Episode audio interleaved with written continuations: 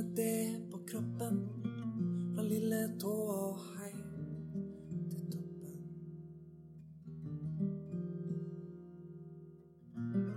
Du veit du vil finne roen og tida er det du får.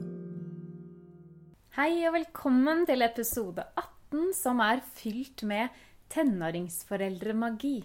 Men aller først, den lille musikksnutten som du hørte helt først her, det er rett og slett en helt ny låt skrevet til Ungdomsforeldrepodkasten av Sindre Steig. Og sangen heter Tid, så den kommer du til å få høre litt innimellom eh, i podkastene fremover. Det er ganske stas at jeg har fått min egen låt, syns jeg. Dagens gjest er psykolog Hedvig Montgomery. Hun har skrevet boken 'Foreldremagi', og i denne episoden så snakker Hedvig og jeg om den sårbare tiden i livet som tenåringsfasen er for tenåringer, men så definitivt også for foreldrene. Jeg håper og tror at denne episoden kan være til trøst og hjelp, men også til stor inspirasjon for dere foreldre.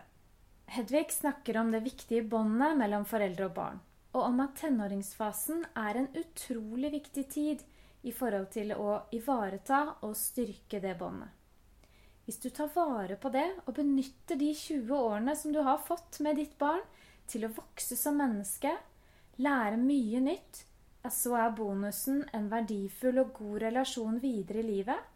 Og så er det jo også spennende, lærerikt, å få lov til å være i utvikling sammen med barna. Det er fort å tenke at det å være gode foreldre, at det er noe vi kan bare sånn helt instinktivt. Jeg erfarer at det ikke helt er sånn. Du kan selv forme foreldrerollen din. Men skal du bli den forelderen som du ønsker å være, så kreves det at du bruker tid på å forstå dine egne mønstre. Du må tørre å se på hva du kommer fra, og hvorfor du reagerer som du gjør i forskjellige situasjoner, skriver Hedvig i boken sin. Og da er det tid for litt reklame. Jeg holder på å lage et nettkurs for tenåringsforeldre nå. Og der kan du få bli med meg på en spennende reise der du blir mer kjent med deg selv og får gode verktøy i møte med din aller viktigste lederrolle i livet foreldrerollen din. Så følg med, og trykk 'følg' på Facebook-siden til Samtaleverkstedet, så får du med deg gratiskurset til alle tenåringsforeldre som snart lanseres der. Men tilbake til denne episoden. Både Hedvig og jeg erfarer at mange tenåringsforeldre kjenner på skam og skyldfølelse hvis deres barn eller tenåring strever med noe. Jeg håper at denne episoden vil gi deg trøst i det.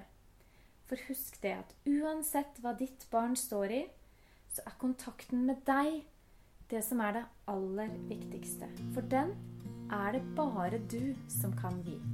Klokka tikker langsomt, og tregere enn før. Velkommen til Ungdomsforeldrepodkasten. Takk. Uh, skal jeg fortelle deg det? I min familie, i flokken min, så er vi veldig glad i musikk. Vi er veldig glad i å lytte til musikk og gjøre musikk sammen. Og jeg tror det var derfor det traff meg så veldig det du skrev i boken din om å spille sammen.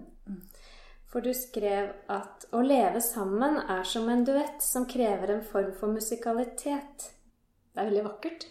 Jeg må si at Da jeg skrev det stykket der, så, så, tenkte jeg først at dette blir for finkulturelt. Dette blir for uh, akademisk eller for uh, ja, der oppe. Men det, da jeg skrev det, jeg hadde det så i meg, så jeg bare skrev det ned. Og så tenkte jeg nå får bare forlaget se på det, og så får de renske opp i det.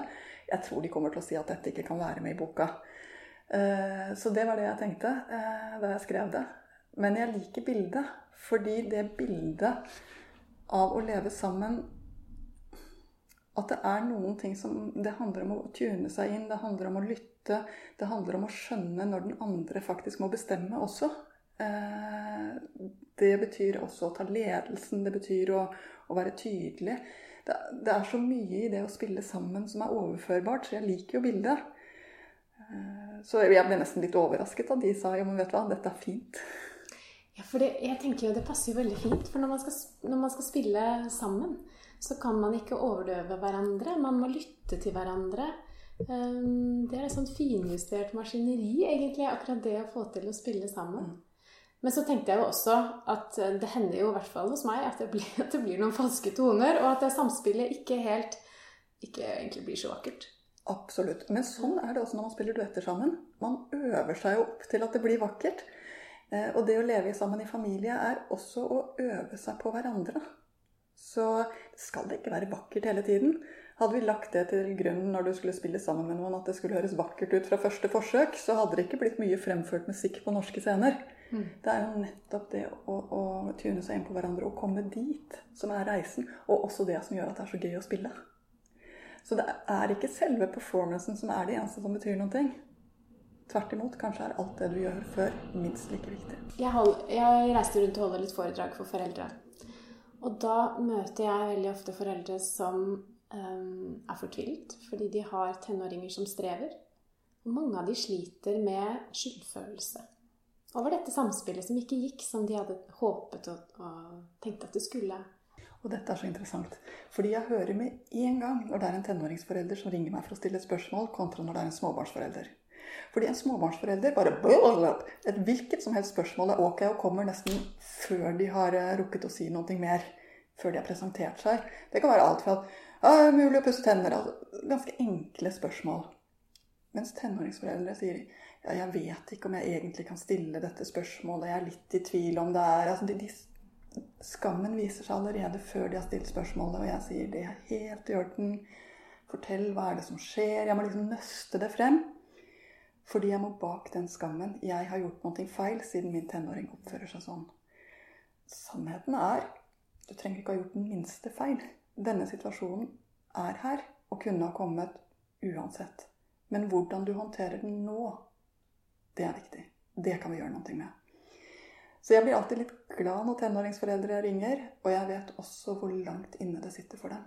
Fordi det er på en måte Du er ikke vellykka som forelder når du har en tenåring som ikke spiser middag med deg. Eh, det er en avvisning av deg og, og noe så vesentlig i livet ditt som foreldreskap. Så jeg er helt enig med deg. Det er mye skam blant tenåringsforeldre. Og skam for ting som er Altså Det at tenåringer er vanskelig å vekke, det er jo biologisk. Det har ingenting med deg som mamma å gjøre, eller deg som pappa. Eh, de er vanskelig å vekke over hele verden, faktisk. Ikke engang bare i ditt hjem. Men opplevelsen av at jeg har gjort noe feil, er veldig veldig sterk for tenåringsforeldre. Ja, for jeg tenker at når du er et lite barn, så har du ikke hatt det så lenge. Og det, det ligger jo mer hvis, hvis gutten din slår nabogutten i sandkassa med en spade så er det på en måte ikke fordi at jeg som mamma har gjort noe feil. Det er sånn småbarn er. Men hvis du har en tenåring som strever med angst, så er det klart at man i mye større grad begynner å tenke at det handler om at man ikke har vært god nok som foreldre. Mm. Og dette gjør vondt. Det er veldig vondt. Mm. Og, og, det er veldig nært. Altså Det er så nært innpå livet ditt et annet menneske kommer. Det er ingen som kommer nærmere deg enn dine egne barn. Jeg tenker, eh, når jeg leser boken din eh, 'Foreldremagi' Den er vakker, Hedvig. Eh, det er rett og slett gullkorn på hver eneste side. Og når jeg leste den, så tenkte jeg at jeg både gjerne skulle hatt den kunnskapen som jeg har nå, og jeg skulle gjerne ha lest boken din når barna var veldig små, eller gjerne før jeg fikk barn. Egentlig så har jeg tenkt at vet du hva, den boken din den burde deles ut på barsel. Komme som en del av pakka. Rett og slett. Men det er jo ikke sånn. Vi er nødt til å gå vår vei og finne ut av dette. Vær også klar over at hver foreldregenerasjon har gjort sin tabbe. Det er ikke noe nytt i det. Eh, og eh, foreldrene på 50-tallet var altfor strenge og altfor harde. Og foreldrene på 70-tallet ble altfor eh, uinteressert i barna sine. De nærmest slapp barna sine på betonggulvet. Mens barna som vi fikk på 90-tallet og 2000-tallet, er nok blitt for mye holdt og for mye serva. Sånn at de føler seg helt unyttige og ubrukelige. De tror jo, Mange tenåringer jeg treffer, tror jo nærmest at de er en arbeidsoppgave. Så det er klart, noen ting er jo tidsånd. Det handler ikke engang om hva som skjer i familien, det handler om hva som skjer i samfunnet, hvordan vi tenker om barn. Det handler om eh, hvordan vi ser på hverandre. Ikke bare i familien, men også over gjerdene. Hvordan skolen fungerer. Eh, vi har vært igjennom nå de som, er litt, eh, de som er rundt 20 nå, de har jo vært igjennom ganske store skolereformer. Og vært litt prøvekaniner for både seksårsreform og for uh, Kunnskapsløftet. Og det har, det har også påvirket dem. Så jeg tror vi bare skal være klar over Vi oppdrar ikke barna våre alene. Vi oppdrar barna våre som samfunn. Uh, og hvordan du er som forelder, er det aller viktigste. Men det er veldig mange sterke faktorer som er nest viktigst også. Mm. Ja, fordi det er en del foreldre som kontakter meg som har barn eh, på barneskolen um, og opplever frustrasjoner og mobbing og utestenging. Det er ja, mange utfordringer som kan komme i den, i den perioden. Og så møter jeg en del tenåringer som sier at de kan føle seg som et problem fordi de har problemer. Og det er litt at vi foreldre kan bli litt for ivrige iblant på å løse utfordringene deres, tenker jeg. Hva tenker du om det? Jeg tror vi som foreldre påtar oss en rolle vi ikke skal ha noen ganger. Eh, når et barn har problemer på skolen, som kan være ganske betydelige, det kan være faglig, det kan være sosialt, så er vår jobb å prøve å finne ut av hva det er for noe. Altså hva skjer? Men enda viktigere enn det er også å si 'Hei, jeg er her'. Være der når de skal legge seg om kvelden. Altså ikke gå inn i fortvilelsen og ta over fortvilelsen for barna og bli i deres fortvilelse. Men å si 'Dette får vi til sammen. Jeg er her. Jeg er hos deg'. Og vise det med hele deg, med både, både hva, hva du gjør og hvor du er. Hvis du går inn og blir for mye den som skal løse allting, som er sint på skolen, som klager over systemet, som tar massevis av telefoner, og som har dette så mye i deg at det er det eneste som blir snakket om hjemme, ja, da blir jo ungdommen et problem. Og det Da mister de det ankerfestet sitt. De mister at noen sier Du, det er oss, og dette går fint. Mm. Så faktisk er det ofte et råd til, eh, til foreldre med barn som sliter, er Vet du hva, nå har du gjort det du kan. Du har funnet ut det du kan. Og det som er din viktigste jobb nå, det er å stryke barnet ditt på ryggen før han eller hun sovner. Ja, for jeg møter en del barn som sier at de kunne ønske mamma bare var der, og ikke prøvde å løse det, rett og slett. Men bare det å, å klare Det er ganske krevende, fordi jeg tenker at det er liksom helt intuitivt i oss så vil vi løse utfordringene for barna våre. Vi vil at de bare skal ha det bra hele tiden. Så det er litt krevende det å bare stå i det og være med de i det som er vanskelig. Det er det. Men vær også klar over å tenke tilbake igjen på din egen oppvekst. Eh, hva var det vanskeligste du selv opplevde?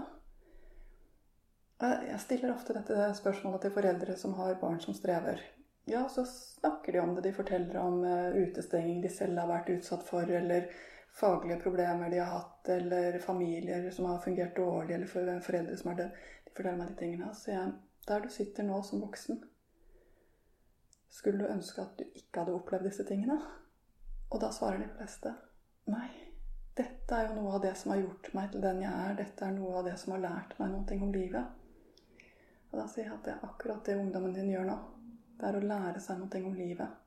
Som han eller hun kommer til å sitte om 20 år og si ja, det var tøft, men jeg sto ikke alene, og noen ting fikk jeg med meg fra det.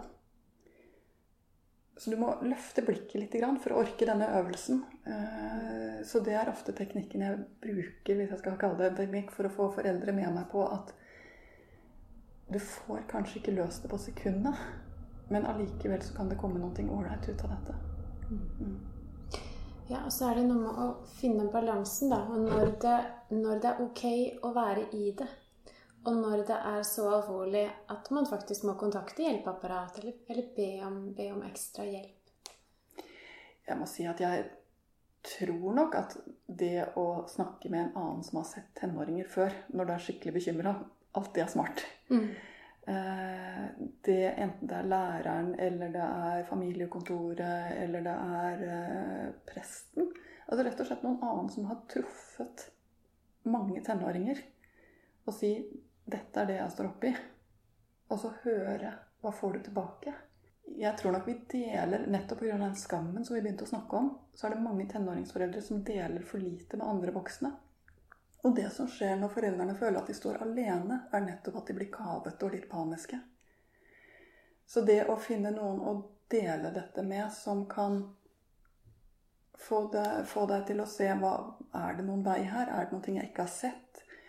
Det kan for den delen være å snakke med noen i familien som, som har litt erfaring. Men jeg skulle nok ønske, og det, det, tror jeg også er noe av det som du merker når du er ute og holder foredrag, det at du får tenåringsforeldre til å begynne å snakke med hverandre og skjønne at det er ikke så farlig. Det er kanskje den viktigste effekten av de foredragene. Ja, det tror jeg også, Hedvig. Eh, for jeg ser jo nettopp denne skammen som du snakker om. Den er så vond. Og det er jo nettopp pga. den skammen at vi ikke snakker med hverandre. Fordi det, det, rett og slett det gjør så vondt. Det stikker så dypt, og peker, man tenker at det peker tilbake på en selv. Og så må jeg også si at jeg syns jo mange foreldre er raske med å disse hverandre, for å bruke et godt ungdomsuttrykk. Eh, hvis, hvis, en forelder sier at eh, det er skikkelig vanskelig med lekser hjemme hos oss akkurat nå, bare rett på dataspill, så kan jeg nesten love deg at en annen forelder sier ja, hjemme hos oss er ikke det noe problem, altså, for vi bare har skikkelig struktur. Mm. Og måten det blir sagt på, er ikke noe ivaretagende, er ikke noe ålreit. Uh, så jeg må si at jeg syns mange foreldre godt kunne trekke pusten og høre etter. Ok, vanskelig hjemme hos dere. Ja, det er tøft. Mm. Og ikke ile rett på med å trekke frem sin eget øyeblikk av vellykkethet. Men det har vel også noen ting med at foreldre har så lyst til å skryte av barna sine. Så når de ikke har problemer, så har de lyst til å fortelle at eh, min datter eller sønn er så innmari fin. Og så ser de ikke at de, at de faktisk knuser noen annens eh, historie på den måten. Så det er nok en oppfordring til alle foreldre. Når en annen forelder deler noe som er vanskelig, hør etter.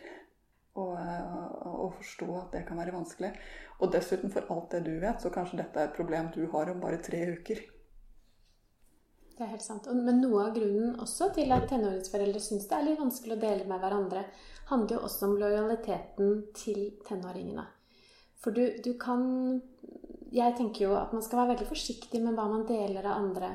Hvis tenåringen din betror deg noe, forteller deg noe, så, så må han eller hun kunne stole på at, uh, at det ikke går videre. Og der er jo velsignelsen folk med taushetsplikt. Eh, fordi igjen, det er ikke sikkert at du skal sitte helt alene med dette her hvis det gjør deg så fortvilet. Er det noe som bekymrer deg så mye, så vil jeg oppsøke noen med taushetsplikt og delta likevel. Eh, for å få en vurdering av hva betyr dette. Veldig mye av det vi sliter med med tenåringer, er Og nå snakker jeg om 90 Det er ting som kommer til å gå over. Kanskje enda litt mer. Som kommer til å gå over helt av seg selv. Det er som bitingen som ettåringene driver med. Du kan tenke 'Å nei, jeg har jo fått et barn som er voldelig', når ettåringen setter de nye tennene sine i litt uh, mykt, deilig uh, kjøtt i nærheten. Uh, men du har jo ikke det. Av, de barna som biter når de er ett, så er det en forsvinnende liten del som biter når de er 20. Veldig mye av det vi ser av, av tenåringsproblemer, er også ting som bare skal håndteres. Det skal bare være, du skal være med på den reisen dette også er. Og det er ikke noe tenåringene gjør mot deg. Det er noe de gjør for å finne seg selv. For å bli ålreite mennesker. Og så kommer det til å gå bra med de aller, aller fleste. de kommer gjennom det. De gjør det. Men når det er sagt, altså det er helt klart at for noen så er det også større problemer og mer alvorlige problemer. Mm. Uh, og derfor er denne sorteringen viktig. Fordi når du tenker at her er det noen som er på vei inn i en psykose, så er det en annen problemstilling enn at du har en som sover mye akkurat nå, og det kommer til å gå over. Psykoser er veldig sjeldne, men de finnes jo allikevel. Mm. mm. Dette er rett og slett vår oppgave som foreldre. Å bry oss så mye og være så interessert i de at vi, at vi eh, vet hvordan de har det, og at vi følger med på de, og kan eh, oppsøke hjelp når det er behov for det. Noen 14-15-åringer har veldig lyst til å snakke. De har lyst til å komme og, og snakke med en annen voksen. Veldig mange har det ikke. Og jeg tenker at det er helt greit. Um, de har ikke så ekstremt stor nytte av terapi i denne alderen heller. Fordi det er så lite de har kontroll på i sitt eget liv. De bestemmer ikke over skolehverdagen sin, de bestemmer ikke over reglene hjemme. Det er så mye de ikke egentlig eh, har kontroll på ennå. Eh, så terapi i den formen Dessuten har de hjerner som ikke er så godt fungerende ennå heller. Eh, så veldig mye av det jeg gjør med 14-15-åringer i direktearbeid, er egentlig bare å få roet ned situasjonen og få inn håpet. Men terapi den, på den nivået med å forstå seg selv, med å bearbeide ting og sånne ting, det venter jeg faktisk med til det blir litt større.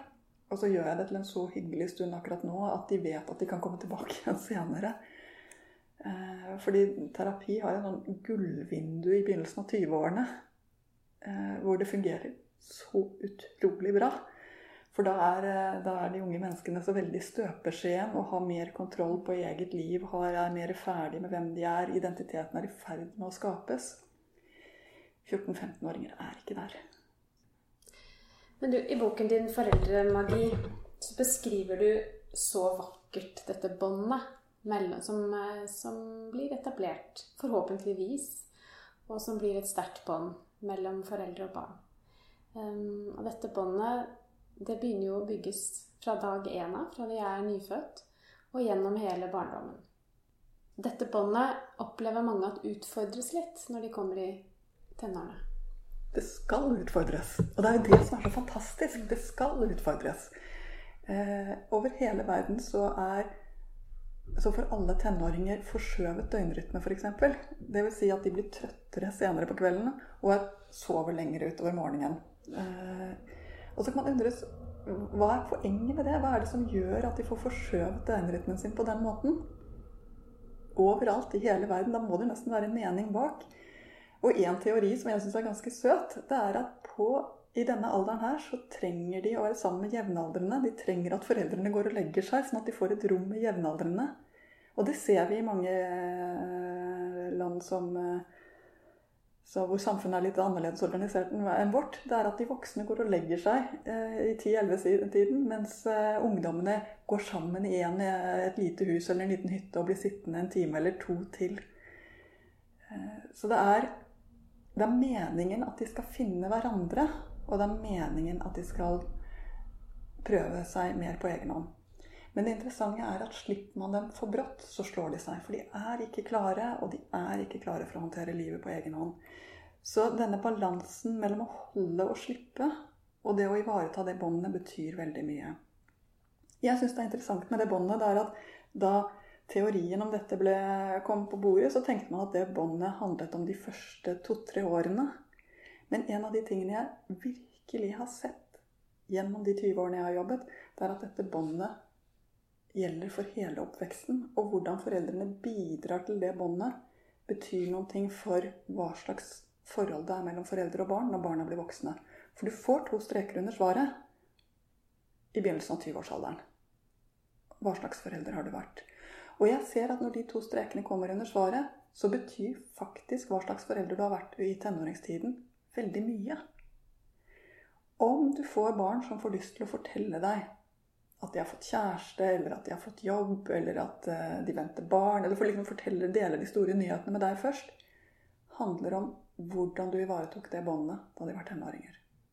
Og i det så tenker jeg det ligger litt håp òg, Hedvig, for tenåringsforeldre. For det betyr at det er ikke liksom tiden eh, Du har tiden fortsatt. Du har muligheten til å reparere et bånd som kanskje ikke er sterkt nok håpet er ikke ute når, når, barna har passert ti år. Vi har muligheten, og vi har egentlig Og det er en veldig viktig periode for å etablere det båndet nettopp i tenårene. Det var godt å høre. Ja, Det er veldig fint. Og det jeg pleier å si, det er at når du har tenåringer, så er oppdragerrollen som sådan litt ferdig. Å holde på å fortelle hva som er rett og galt og sånne ting, det har du faktisk. Der har du fått inn det du kan, og det du ikke har fått inn når de bikker tolv, får du vel bare si at so be it. Men det du ikke er ferdig med, er nettopp dette båndet. Det er det du skal, da skal konsentrere deg om. Eh, og det betyr altså De båndene har jo tre deler, og alle de tre delene skal du bruke på tenåringer. Den første delen, som er trøst, betyr at tenåringene skal virkelig oppleve at når de kommer til deg med noe som er vanskelig, så får de forståelse og trøst, ikke fordømmelse. Og dette er vanskelig, for tenåringer gjør dumme ting. Overalt i hele verden, i alle kulturer, så gjør tenåringer dumme ting. Tenåringsforeldrenes viktigste våpen er når din tenåring kommer og sier 'Å, det gikk så dårlig på den prøva'. At du ikke sier 'Ja, men jeg sa jo til deg at du skulle lese'. Men at du sier 'Ah, gikk det dårlig'? Ta den først. Skjønn at du først må trøste. Det er ikke noe gøy at det går dårlig på prøver. Når det har skjedd noe vondt på den hytteturen, så skal du ikke si men jeg sa jo at, dere ikke skulle dra på, at du ikke skulle dra på den hytteturen. Det blir bare tull. At du heller skal si Ble det vanskelig for deg? Hva skjedde? Og kanskje får du en historie som den tenåringen din virkelig må få delt for å kunne gå videre. Så å gjøre seg tilgjengelig for trøst betyr å ikke komme med fordømmelsen først. Faktisk helst ikke i det hele tatt. Den andre delen av båndene handler om å lage en tilhørighet. Dra på ferier som det også er gøy for tenåringer å være med på. Lag et hjem hvor det går an å sitte på rare måter og, og slenge litt rundt seg. De er ikke ryddige i denne alderen.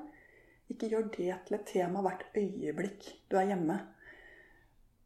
Lag hjemmet sånn at det tåler tenåringer, rett og slett. Og sånn at de føler at her bor jeg også. Jeg treffer mange tenåringer som føler at mamma og pappa vil bare dra på hytta og gå på ski. Mange tenåringer er ikke spesielt interessert i å dra på hytta og gå på ski. Gjør noe annet sammen. Ikke hver helg, ikke hele tiden, men innimellom. Som gjør at de kjenner at mm, de liker å være sammen med meg, og de liker å gjøre ting med meg fortsatt. For deres behov av å høre til er skyhøyt. For det som fort skjer, Hedvig, ser jeg, mm. det er at de begynner å gjøre forskjellige ting. Foreldre reiser på hytta og går på ski fordi nå klarer jo tenåringen deres å lage seg mat selv. Og så begynner de å leve litt separate liv. Ja. Mm. Men hvis din tenåring er interessert i å lage mat, dra på et kokkekurs sammen. Det er ikke spesielt dyrt engang, og det kan være en kjempehyggelig ting å gjøre sammen. Så det å finne noen sånne ting som gjør at tenåringen føler at her hører jeg også til, det skal du se etter. Du skal lete etter det. Du skal ikke bare la det skje, men du skal lete etter det. Siste delen av båndet er å bekrefte følelser. Og akkurat som treåringen sier at dette er det verste som har skjedd meg når hun har mistet brødskiva, så kan man bli litt full i latter, for så krise er det vel ikke å miste brødskiva. Men så må du faktisk huske på at for en treåring som ikke har opplevd så mye, så kan det godt være mulig at det er det verste som har skjedd henne. På samme måte så er den første kjærlighetssorgen er en katastrofe. Den har ikke vært håndtert før. Det har ikke skjedd før. Å ikke få det til på laget hvis du driver med en idrett, kan være en katastrofe av bibelsk format for en tenåring. Fordi han eller hun har ikke hatt så mye eh, motgang før. Så det å gå ned i øyenhøyde, eller opp i øyenhøyde, for ofte har de blitt større enn oss rent fysisk, og skjønne at ok, der er du akkurat nå, og sånn har du det. Og vet du hva? Det er ikke noe rart at du føler det sånn der hvor du er i livet. Det kan jeg forstå å jobbe med å tune seg på forståelsen av de følelsene som tenåringen har. Og skjønne at de har dem ikke for å være slemme eller for å gjøre opprør. Eller de har dem rett og slett fordi de har dem. Og så må vi hjelpe dem til å komme videre med de følelsene. For det er ikke noe godt å stå og slure i dem. Du trenger å komme videre. Så du skal både koble deg på og hjelpe videre. Og gjør man det, så tenker jeg at tenåringene i større grad får lyst til å dele av sine tanker og utfordringer med oss. Hvis de opplever at de bare får uh, kjeft og, og, får høre at det er det ingen grunn til å føle sånn for, som mange får, så, så kommer det ikke. Da kommer ingenting. Og da søker de uh, fora på nettet, altså da søker de andre steder som kan være bra, og som kan være dårlige.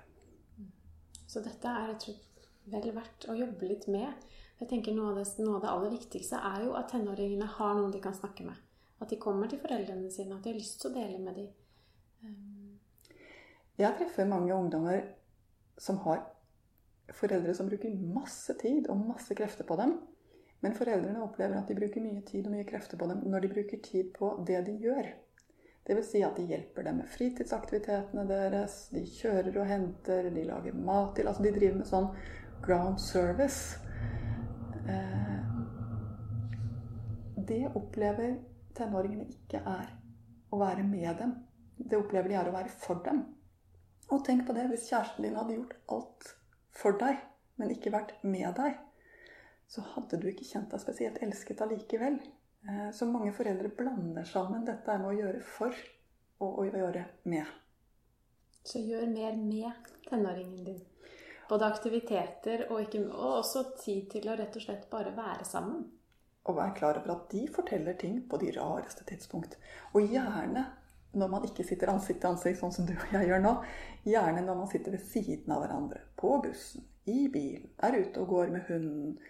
Når det skjer noe annet, så kan det komme veldig fine ting.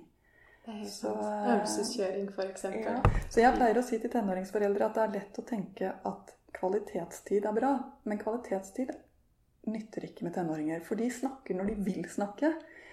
Eh, jeg pleier å si at jeg skulle faktisk ønske at vi hadde hatt vi har så mye raus barselpermisjon, men vi skulle hatt en liten sånn deltids tenåringspermisjon når de begynner på ungdomsskolen. Fordi det å være der når de kommer hjem Jeg var så heldig at jeg fikk ett barn samtidig som min eldste begynte på ungdomsskolen. Det var helt gull. For at jeg var hjemme da han kom hjem og kunne si 'Å, kommer du hjem? Så hyggelig. Har du lyst på en tekopp, eller?' Gjorde at han kunne si ja eller nei, men muligheten var der kvantitetstid betyr mye for tenåringer. Så hvis du tenker at nå har jeg fått en som er så selvstendig at nå kan jeg dykke ned i mine egne prosjekter, vent noen år til. Fordi de trenger at du er der ganske mye. Det er jeg så enig med deg i, Vet du hva, jeg har vært så mye trøtt. Jeg har jo jeg har fire barn, og den eldste er nå 20. En på 16 og 12 og 9. Og jeg har vært så mye trøtt, nesten mer trøtt enn jeg var i småbarnsfasen de siste årene. Fordi ja, altså, de er jo som tenåringer flest. Altså, guttene mine, de to eldste, er B-mennesker. De liker å snakke på natten, de. Seint på kvelden. Og hvis jeg skal få samtaler, gode samtaler med de, så må det skje på natten. Sånn er det. Og der har du og jeg sikkert en felles utfordring. For jeg er tidlig på. Hodet mitt fungerer briljant før lunsj. Eh, og alt som skjer etter klokken ti på kvelden, er en arbeidsseier. Det går ikke av seg selv. Da må vi kanskje tilpasse oss litt. Fordi må... de er så viktige disse stundene. Det er bare å jobbe mot sin egen natur. Men trøsten er at det går over. Eh, min eldste er nå 24. Eh, og nå er han i samme døgnrytme som meg. Så halleluja, det kommer dit. Mm. Et hovedpoeng for meg er hvor lang en oppvekst er. Hvor lang tid det tar å bli et skikkelig menneske, og hvor stort behov vi mennesker har for nærhet hele veien. Så et nøkkelbudskap for meg er at du har 20 år til rådighet som forelder, og at du skal bruke alle de 20 årene. Og i perioder så er det lett. I perioder så er kontakten med barn litt sterk, god. I andre perioder så er det skjørt og tynt. Og du må ta vare på den lille, skjøre, tynne kontakten. Min eldste spurte meg i ettertid, som var ganske søtt Han sa til meg Du, jeg har jo nå skjønt at du skjønte da jeg løy. For tenåringer er ganske dårlige på å lyve, så det er ikke så vanskelig å se. Da sa ja, det skjønte jeg. Altså, men hva gjorde at du klarte å ikke si noe? Altså, hvorfor sa du ingenting? Og så sa jeg til ham men du, hva hadde skjedd hvis jeg hadde sagt noe? Hvis jeg hadde sagt 'Jeg vet at du har, eh, var på fest et annet sted enn det du sa', eller 'Jeg vet at du røykte', eller 'Jeg vet at Hva, hva hadde skjedd? Og da, Nei, jeg hadde jo bare gått på rommet. Og da sa jeg mm, 'Og du var nok på rommet'. Som det var. Jeg trengte ikke å dytte deg mer ut, ut på rommet. Jeg trengte at vi hadde den lille kontakten, den lille humoren. Og veldig mye er reddet inn gjennom humor. For å holde på den skjøre kontakten i den perioden det var som vanskeligst. I perioder så er den ene forelderen får lov til å ha litt kontakt, mens den andre ikke får lov til å ha noen ting. Det blir lett sånn at man nesten blir, man blir litt sur på den som får lov til å ha kontakten. Men bare vær glad for at noen har den. Vær litt rause mot hverandre hvis dere er to foreldre. Og er du én forelder, så er det ganske tungt, for da er du eneansvarlig for å holde på den lille, skjøre kontakten. Men den trengs. Og vit at er det bare en tynn tråd, som det ofte er i perioder i tenårene, så kommer det til å vokse på seg igjen hvis du tar vare på den skjøre, tynne tråden. Ikke kutt den. Så du spør hva er mitt viktigste budskap? Ikke kutt kontakten til barna dine på noe tidspunkt. Da er vi liksom litt tilbake i musikaliteten, føler jeg, Hedvig. Akkurat i den varheten. Eh, det er sånn For du skriver i boken din at selv de flinkeste musikere må jobbe i starten når de spiller sammen. Å finne tonen krever øvelse, tid og oppmerksomhet. Men når det funker, da er det vakkert. Tusen takk, Hedvig, for at du ville være med i Ungdomsforeldrepodkasten. Takk skal du ha. Hvis du likte dagens episode, gå gjerne inn på iTunes og legg inn noen stjerner der, og del den med ditt nettverk, slik at enda flere får vite om Ungdomsforeldrepodkasten. Send meg også gjerne en mail på ann-jeanette at samtaleverkstedet.no hvis du har tips til temaer eller ting som du ønsker at jeg skal ta opp her i Ungdomsforeldrepodkasten.